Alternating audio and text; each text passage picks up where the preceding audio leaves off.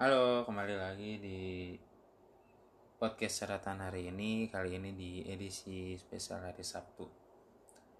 Jadi, gue mau ngomongin hal yang kayaknya buat umumnya ya, secara umum kayaknya sih sensitif.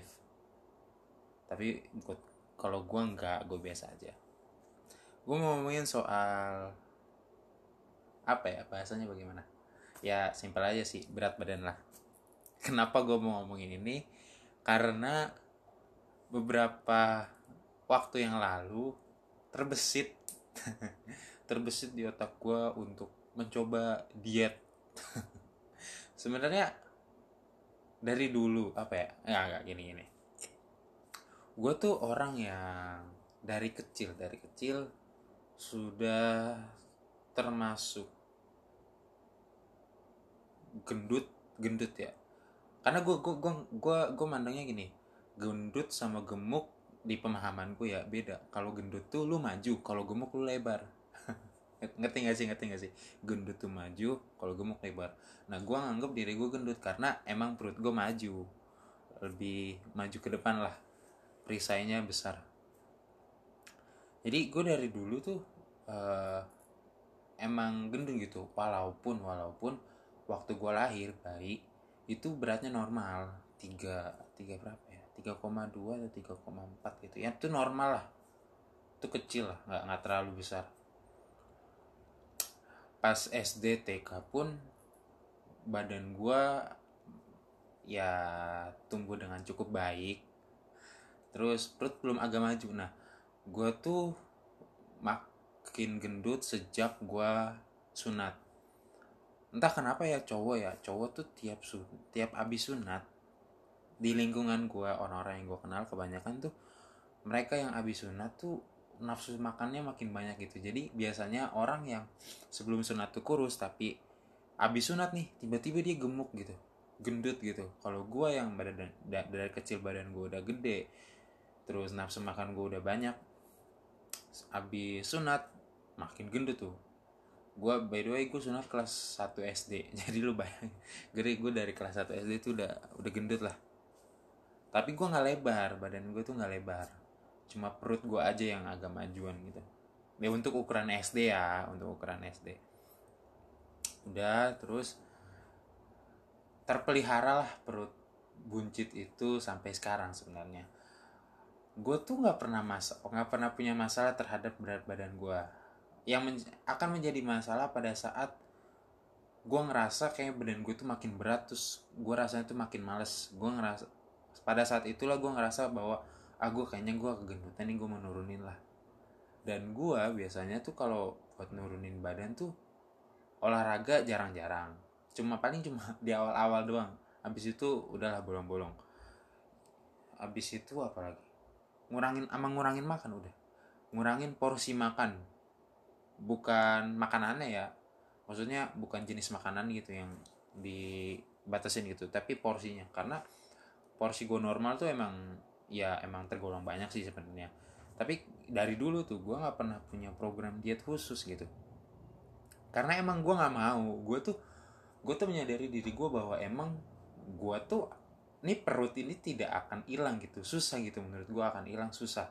Karena emang keturunan dari orang tua gue pun seperti itu. Jadi itu tuh kayak udah masa pemahaman gue ya untuk melawan gen itu kayaknya sulit sih untuk melawan gen mungkin bisa mungkin bisa kalau kemauan kalau ada kemauan. Tapi ya gue gue merasa nggak ada salahnya nggak nggak gue belum gue belum melihat ada masalah dengan kondisi gue yang seperti ini. Namun yang selalu bawel dengan kondisi berat badan gue adalah ya emak gue sendiri sih sebenarnya. Dia tuh apa ya? Kalau ngelihat gue gemukan bawel tapi kalau ngelihat gue kurus juga bawel gitu. Nah jadi gini kalau dia kesel kalau gue nggak ngabisin makanan. Padahal gue emang lagi ngurangin makan kalau gue lagi ngurangin makan emang karena gini uh, gue di rumah tuh tukang ngabisin makanan. Nggak di rumah aja sih di mana mana kalau ada kalau ada kegiatan terus makan-makan yang orang-orangnya itu kenal gue pasti nganggapnya ah udah tenang aja sama Parit nanti habisin. Kan anjing ya kayak gitu men. Di mana mana dari dulu. Dari dulu gue gue dikena udah udah mesin penghabis makanan lah. Pokoknya kalau ada gue udah tenang pasti habisin kan kan kan kampret ya kayak gitu ya. Ya mak gue tuh terus kalau misalkan nasi nggak kalau ada makanan nggak habis aja. Sekarang ya dia mungkin kesel kali ya udah masak banyak banyak terus nggak dihabisin. Karena emang biasanya gue yang gue yang habisin. Terus kalau misalkan uh, pada akhirnya gue kelihatan lebih gendut daripada dia dia marah juga. Padahal kan gue gendutan karena makanan dia gitu maksud gue gue kan gue tuh orangnya jajan jarang banget jajan keluar banyak makan di rumah doang. Udah makan nasi, nasi sebenarnya. Masalah gue tuh nasi. Nasi tuh kayak susah gitu. Kalau sehari nggak makan nasi tuh nggak bakal yang harus nyentuh nasi. Dan berat badan gue tuh kalau turun ya turun waktu gue pernah waktu kalau turun turun paling banyak berapa ya? 6 kilo mungkin. 6-7 kilo sih inget gue waktu waktu SMP waktu SMP tuh berat gue paling gede ya paling gede tuh 68 kalau nggak salah. 68 habis itu gue sempet turun di bawah 65 gue lupa persisnya mungkin nyentuh hampir nyentuh 60 gitu. Itu SMP pas SMA berat berat rata-rata gue tuh di, di 70-an berat rata gue di 70-an oh iya gue inget gue pernah naik 10 kilo gara-gara gara-gara Idul Fitri sumpah itu. Idul Fitri tuh ya itu tuh momen di mana sudah pasti berat badan akan naik karena ya bagaimana ya ada ketupat yang isinya santan terus ada daging di mana dibuat menjadi rendang semur opor. Ya itu makanan yang sudah pasti menambah berat badan dan di rumah itu tidak ada orang yang tidak ada orang lain yang bisa menghabiskan semua itu kecuali gua gitu. Adek gue masih kecil makannya nggak seberapa. Gue pasti yang jadi tukang ngabisin makanan gitu. Jadi ya udah lah ya. Gue juga gue sempet kesel sih naik sempet naik 10 kilo dari lumayan dari 60 ke 70 naik naik begitu aja men. Dalam waktu sebulan gila 10 kilo kata gue gue sempet kesel loh kayak gitu. Anjing kata gue maksud gue sampai segitunya gue nggak sadar makan sampai 10 kilo naik cuma dalam sebulan buset. Nggak kebayang gitu Udah, abis itu gue gue ngurangin gue ngurangin makan tuh. Daging gue sempat gue jarang banget makan saya saat itu gue gue jarang makan daging nasi gue nasi gue kurangin. Cuman gue sering maksudnya gini loh. Gue ngurangin porsi makan tapi eh, kuantitasnya disalingin. Jadi kalau misalkan gue gue makan normal tuh dua kali dua kali itu pun banyak gitu porsinya. Tapi kalau gue misalkan gue kurangin porsinya gue bisa makan sampai tiga kali. Terus kalau lagi mau nurunin berat badan tuh uh, uh, apa nggak makan malam mau mau itu nyemil atau apa. Kalau kecuali ada buah kalau ada buah nggak apa-apa lah. Uh, buat makan malam gitu buat nganjel perut biasanya itu sih gue tuh tumannya tuh makan malam sebenarnya. Karena jadwal makan gue tuh gue tuh pagi biasanya sarapan. Pagi sarapan. Mau nasi uduk atau lontong sayur. Pokoknya ada harus ada yang diisi lah tuh pagi. Terus makan lagi tuh biasanya sore. Main makan nah sarapan itu bukan hitung hitungannya itu bukan makan karena porsinya kecil. Tidak kenyang sebenarnya cuma buat ganjil perut doang jadi baru makan baru makan bener-bener tuh antara siang atau sore. Habis itu malam baru makan lagi. Nah itulah yang penyebab penyebab perut saya maju. Dan apa ya? Kalau gue sih sekarang ya apalagi nih sejak di rumah terus udah mau nyentuh lima bulan ya nggak sih? Udah mau udah mau nyentuh udah lima bulan atau iya udah lima bulan lah kurang lebih. Berat badan gue alhamdulillah tidak naik drastis dong. Padahal ya gue tuh jarang olahraga terus gerak gerak cuma di rumah terus tidur nggak teratur makan pun makan sebenarnya seperti ya seperti biasa sih kalau di rumah. Gue tuh selalu ngomong gue kalau mau kurus gue harus di kos. Karena kalau di kos pasti berat gue turun dan omongan terakhir kali ya terakhir waktu bulan Januari waktu gue balik ke sini lagi dari Malang tuh mak gue pun sendiri ngomong kamu kurusan ya dari dari Malang? Ya emang iya karena emang kalau di kosan kayaknya kalau di kosan udah pasti gue hemat makan gitu loh. Gue kalau mau makan sesuai dengan porsi gue saat di rumah itu sulit gitu loh uh, untuk keuangan ngatur keuangannya itu sulit. Jadi di ya dikurang-kurangin lah. Dan sekarang pun gue naik badan badan badan badan gue naik sebenarnya. Tapi nggak nggak terlalu drastis gitu. Namun uh, gue tuh punya batasan sendiri kalau gue ya uh, buat berat badan gue dengan kondisi badan gue yang sekarang. Gue merasa gue kalau buat diet susah buat istiqomahnya.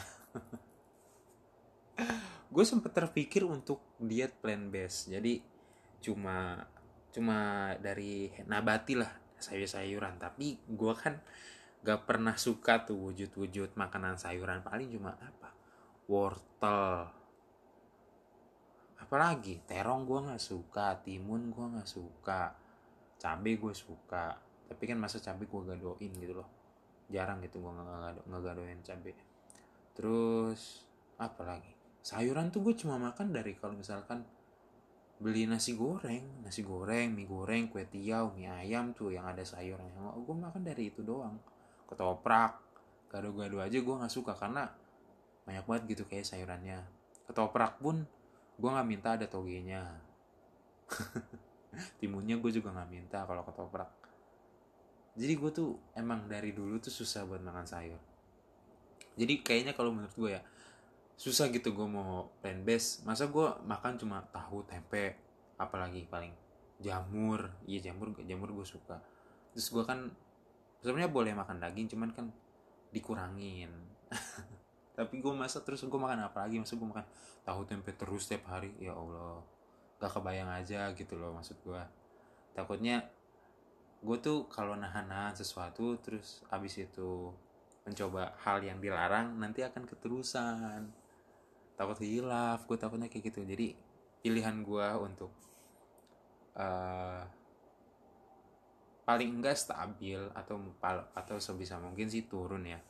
Gue mengurangi porsi gue seperti pada saat gue di kos. Jadi gue memposisikan diri gue ya oke di rumah tapi porsi makannya kayak di kosan aja. Ada beberapa hari yang khusus seperti mungkin di awal minggu dalam ini dalam saat gue tuh program program makan gue ya kalau misalkan lagi di Malang gue tuh makan spesial dalam artian makan yang sesuka gue itu cuma dua pilihan di awal bulan kalau nggak akhir bulan.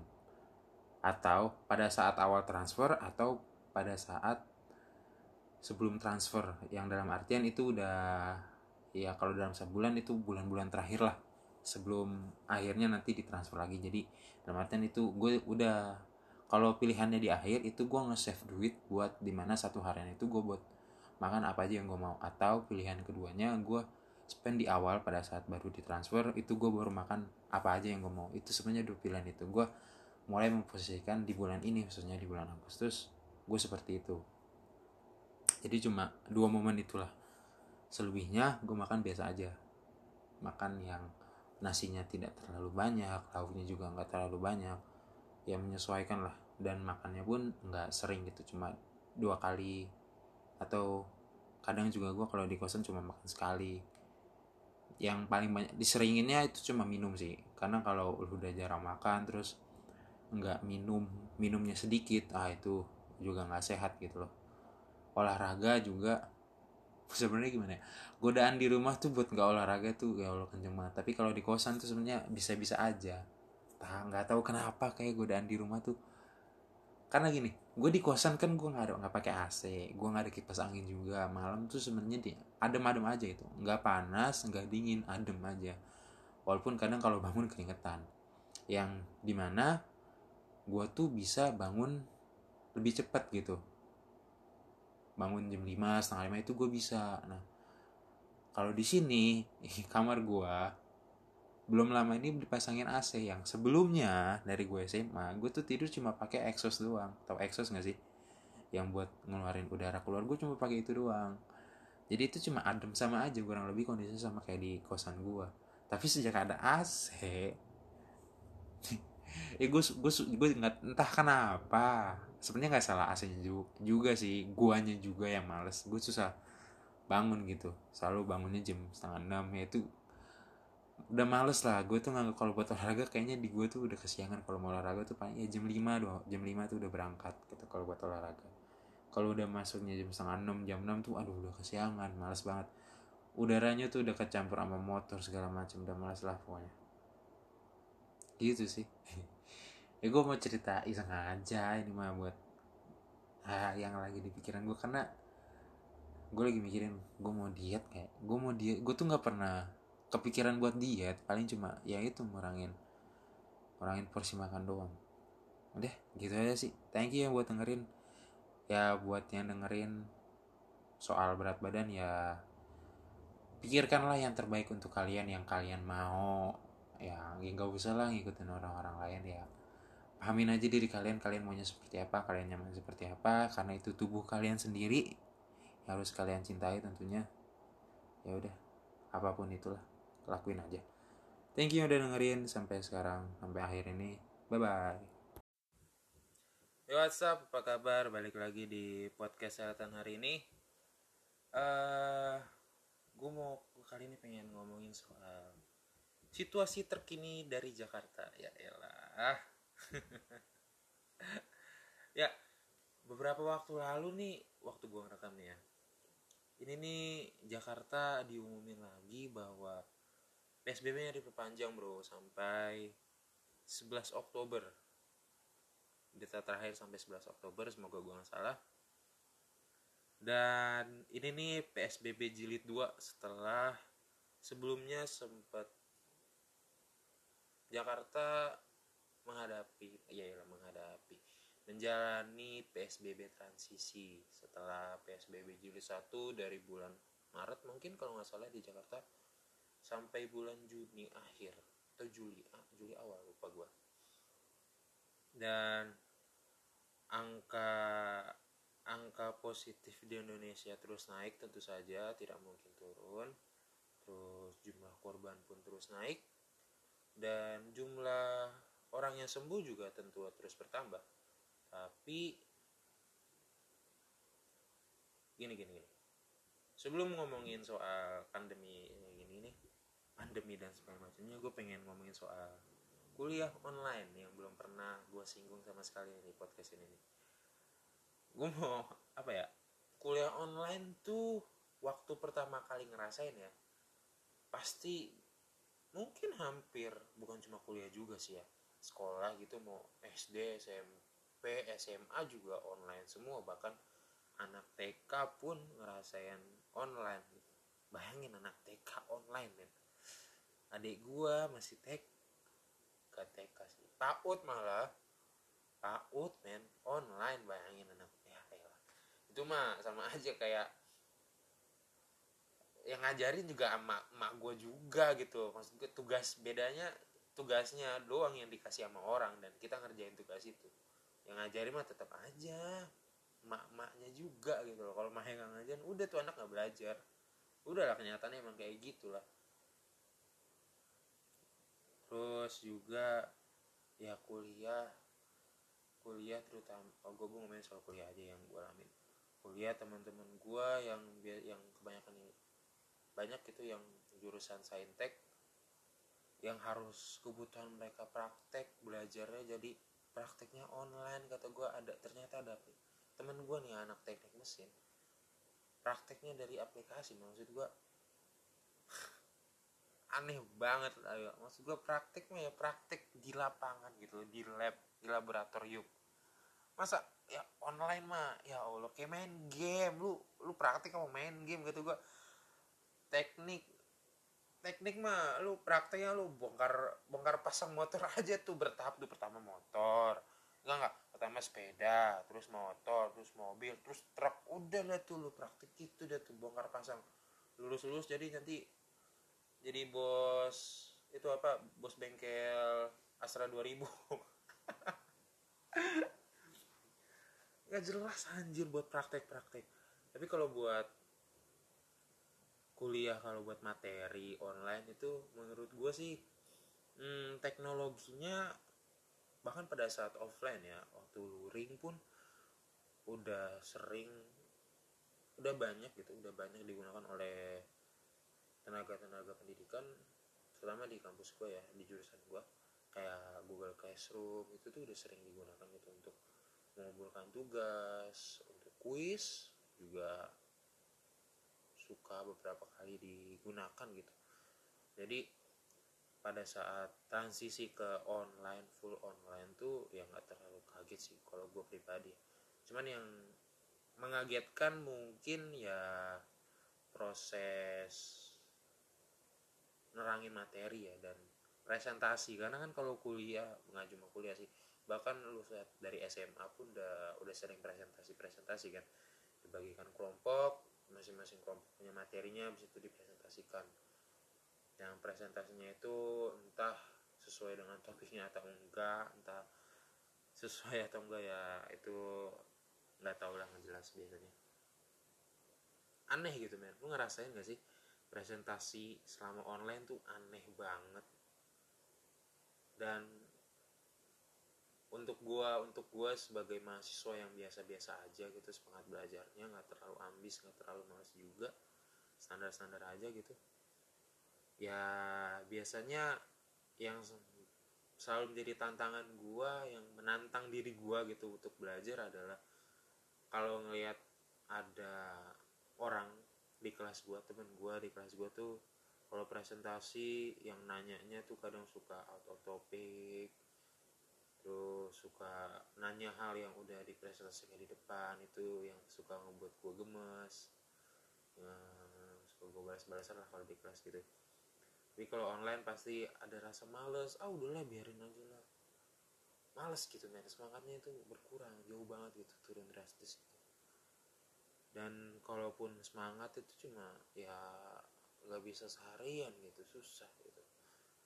Hype-nya di mana lo bisa belajar yang di samping lo itu ada teman lo bisa berdiskusi atau saat dosen nerangin lo bisa ngobrol atau saat dosen nerangin bisa main game. Atau apa pun lah biasa lo lakuin di kelas.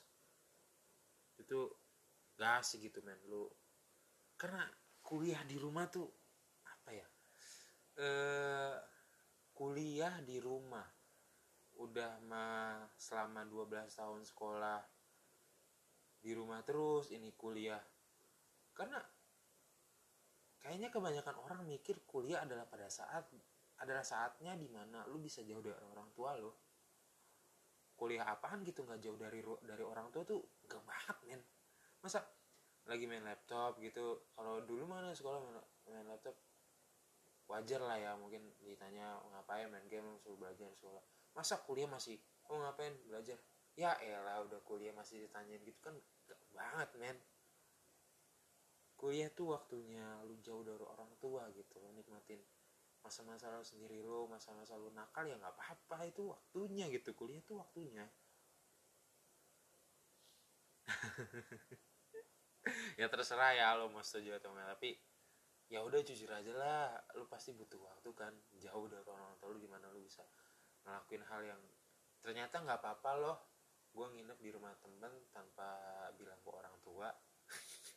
Jujur aja deh lo jujur deh lo. Ternyata nggak apa-apa loh main ke rumah temen tanpa bilang orang tua.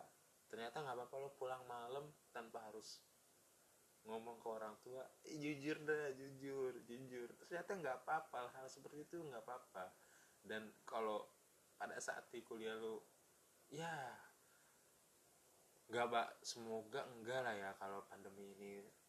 Tapi kayaknya gue juga pesimis sih. Kalau pandemi ini selesai dengan cepat gue sih jujur aja pesimis.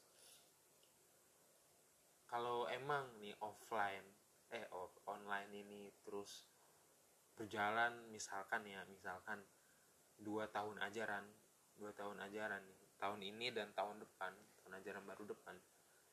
Mungkin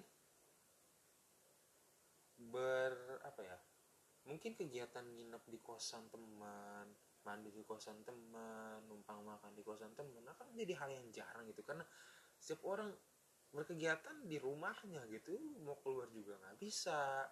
Udah takut sendiri kalau mau keluar hal-hal yang biasanya dulu dilakukan selama kuliah malah jadi hal yang rare gitu loh. Dengan situasi kayak gini. Dan oh iya nih lagi juga apa yang kemarin tuh rame-rame ospek online kata gue ma ma itu aduh ospek online bentak zoom kata gue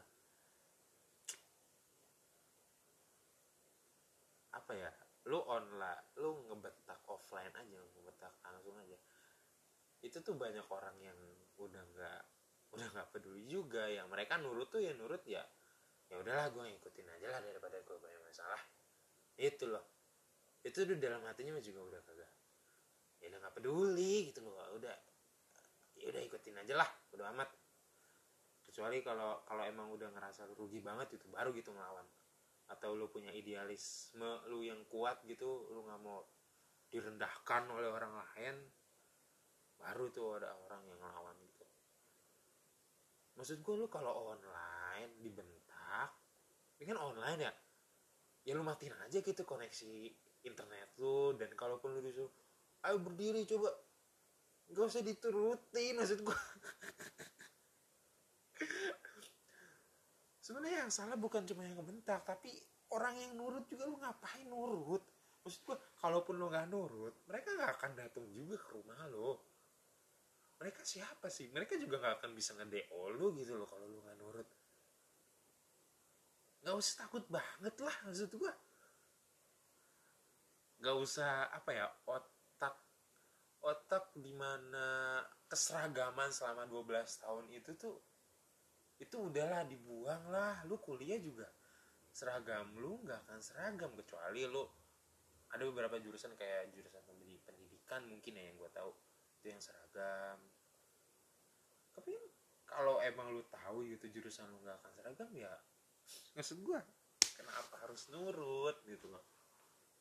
Dan emang salahnya juga yang ngebentar juga nggak ngapain sih? Nggak jelas kata gue goblok kata gue itu mah ya udah masalah masalahnya juga selesaikan terus ini masalah pandemi ini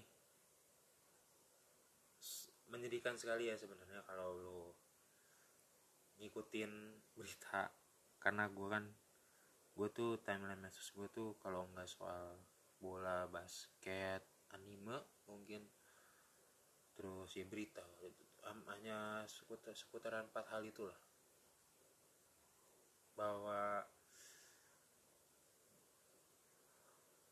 mungkin hal yang wajar sekarang di mana banyak masyarakat yang kecewa dengan pemerintah dan itu tuh emang udah banyak banget hal karena gini loh uh, soal gue ngalamin sendiri tuh di keluarga gue sendiri keluarga keluarga di rumah nih ya.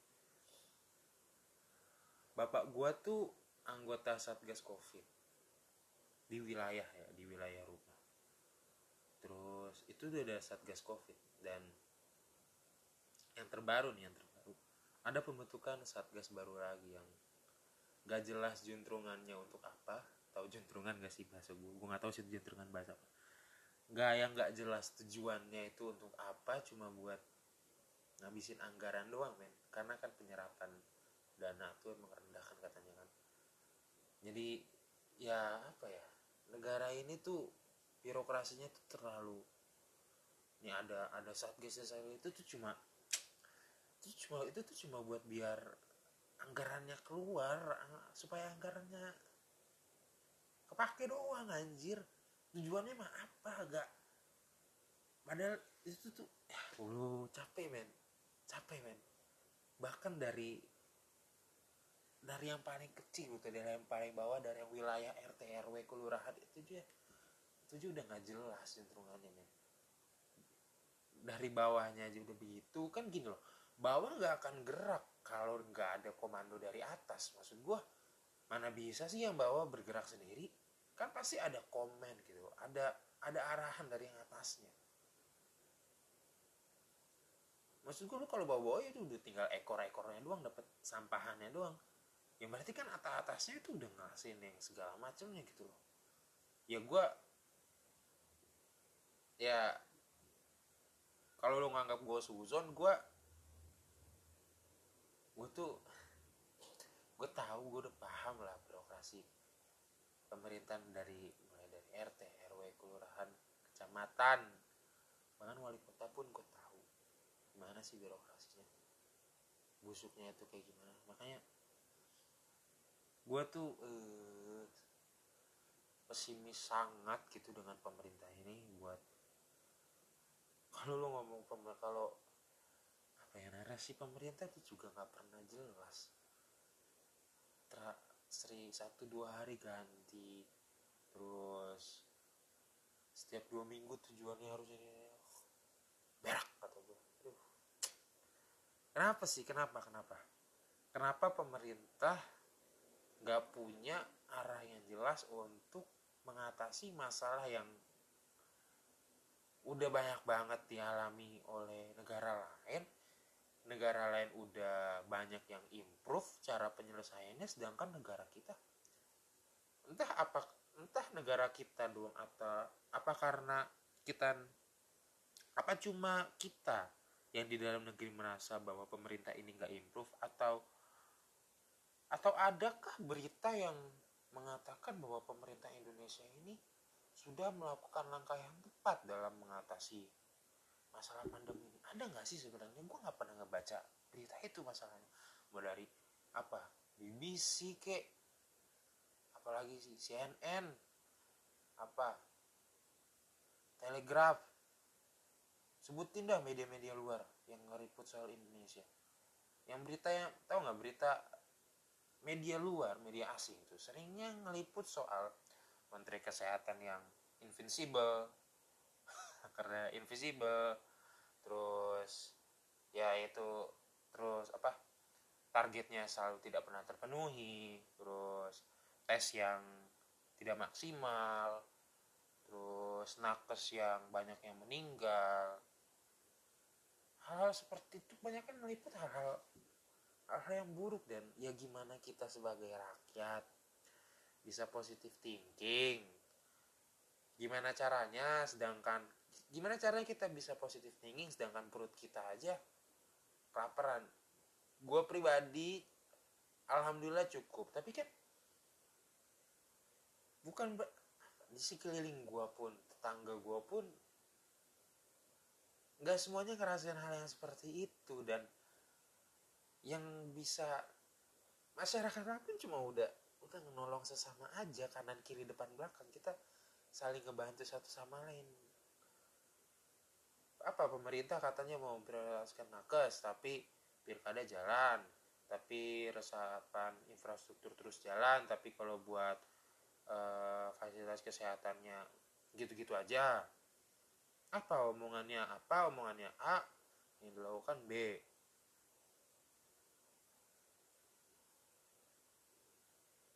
Terus apa nih tangan-tangan perpanjangan tangan dari kepala negara deh ngerti kan lo maksud gue perpanjangan tangan dari kepala negara? Maksudnya mereka masih di lembaga eksekutif. Apa mereka terobosannya apa selama ini? Katanya untuk meningkatkan imun tuh harus rajin olahraga. Kan kita kan punya kementerian soal olahraga tuh. Mana tuh? Nggak ada tuh instruksi soal ayo nggak ada tuh gerakan gebrakan gitu dari kementeriannya. Langsung gue nyebutkan tuh jadinya. Kementeriannya buat rajin olahraga nggak ada tuh nggak ada suruhan. Terus kita punya kementerian apalagi tuh kalau buatnya itu mungkin buat pertanian pertanian oke okay lah. Bikin beras punya cadangan beras yang sering banyak. Tapi gue nggak tahu ya kalau daerah lain kalau Jakarta. Jakarta tuh sering banget lo dapat bansos. Bahkan di rumah gue ya di rumah gue ini satu bulan terakhir ya khususnya September September kalau singkat gue di daerah rumah gue tuh ada dua atau tiga kali dua sih kayaknya. Dua kali bansos di awal bulan dan akhir bulan ini sih katanya ada. Dua kali bansos gue nggak tahu ya kalau daerah lain sorry mohon maaf. Gue tahunya soal di daerah gue teman Jakarta. Kalau Jakarta sih kayaknya kalau bansos banyak gitu lah. Terus apa kita punya berbagai kementerian loh yang tiap kementerian tuh harusnya punya peran untuk menghadapi pandemi ini. Mereka tuh punya perannya masing-masing yang gak, masa sih nggak nggak nggak berguna? Masa sih nggak punya apa? Kenapa mereka nggak mau melakukan sesuatu? Apa karena mereka takut diri reshuffle? Apa mereka takut ngelakuin yang aneh-aneh yaitu karena dirinya takut diri reshuffle? Ah ya itulah kenyataannya hidup di Indonesia di mana gue gak mau lanjut lagi omongan gue udah terlalu tadi omongan gue serem sekali. Takut saya. Udah gua udah mah gue gak pernah ngedit ya. Kata gue gak apa-apa lah. Tapi gak apa-apa lah. Ya lah podcast gue siapa sih yang dengerin? Yang dengerin juga itu itu aja. Tapi kalau kalian mau nyebarin gak apa-apa. Ikhlas ikhlas gak apa-apa. Kenyataannya memang seperti itu kan sudahlah saya ngomong jujur eh gitu aja sih. Yang mau gue ngomongin. Capek juga men. Mikir ini mikirin hal-hal seperti ini. Gue juga kasihan. Gue punya keluarga yang nakes juga. Dia kasihan men. Capek men. Jadi nakes tuh capek asli. Capek gue kasihan. Gue punya keluarga juga. Deket malah. Keluarga deket gue rumahnya deket juga kalau cerita tuh kasihan gitu di rumah sakit. Terus gantian aduh. Prihatinkan lah. Ya ya lakukan ya apa yang bisa lo lakukan di rumah lah dan keluarga lo bisa ya bantu bantu tetangga terdekat bantu kanan kiri depan belakang lo supaya ya cuma itu kayaknya cuma itu sih caranya untuk bertahan hidup di ta- di di situasi kayak gini nggak usah lah jauh-jauh ikutan ikutan apa penggalangan anda untuk siapa siapa siapa. Perhatiin dulu aja depan kanan kiri rumah lu. Tetangga lu aja dulu perhatiin kalau yang kurang makan kurang beras. Kasih gitu loh. Nggak apa-apa nggak nggak akan habis hal seperti itu kayaknya. Ya Tuhan juga bukan berarti nggak peduli kalau kalaupun pemerintah nggak peduli setidaknya kita punya Tuhan lah aja. Thank you yang mau dengerin sampai habis. Thank you so much. Bye bye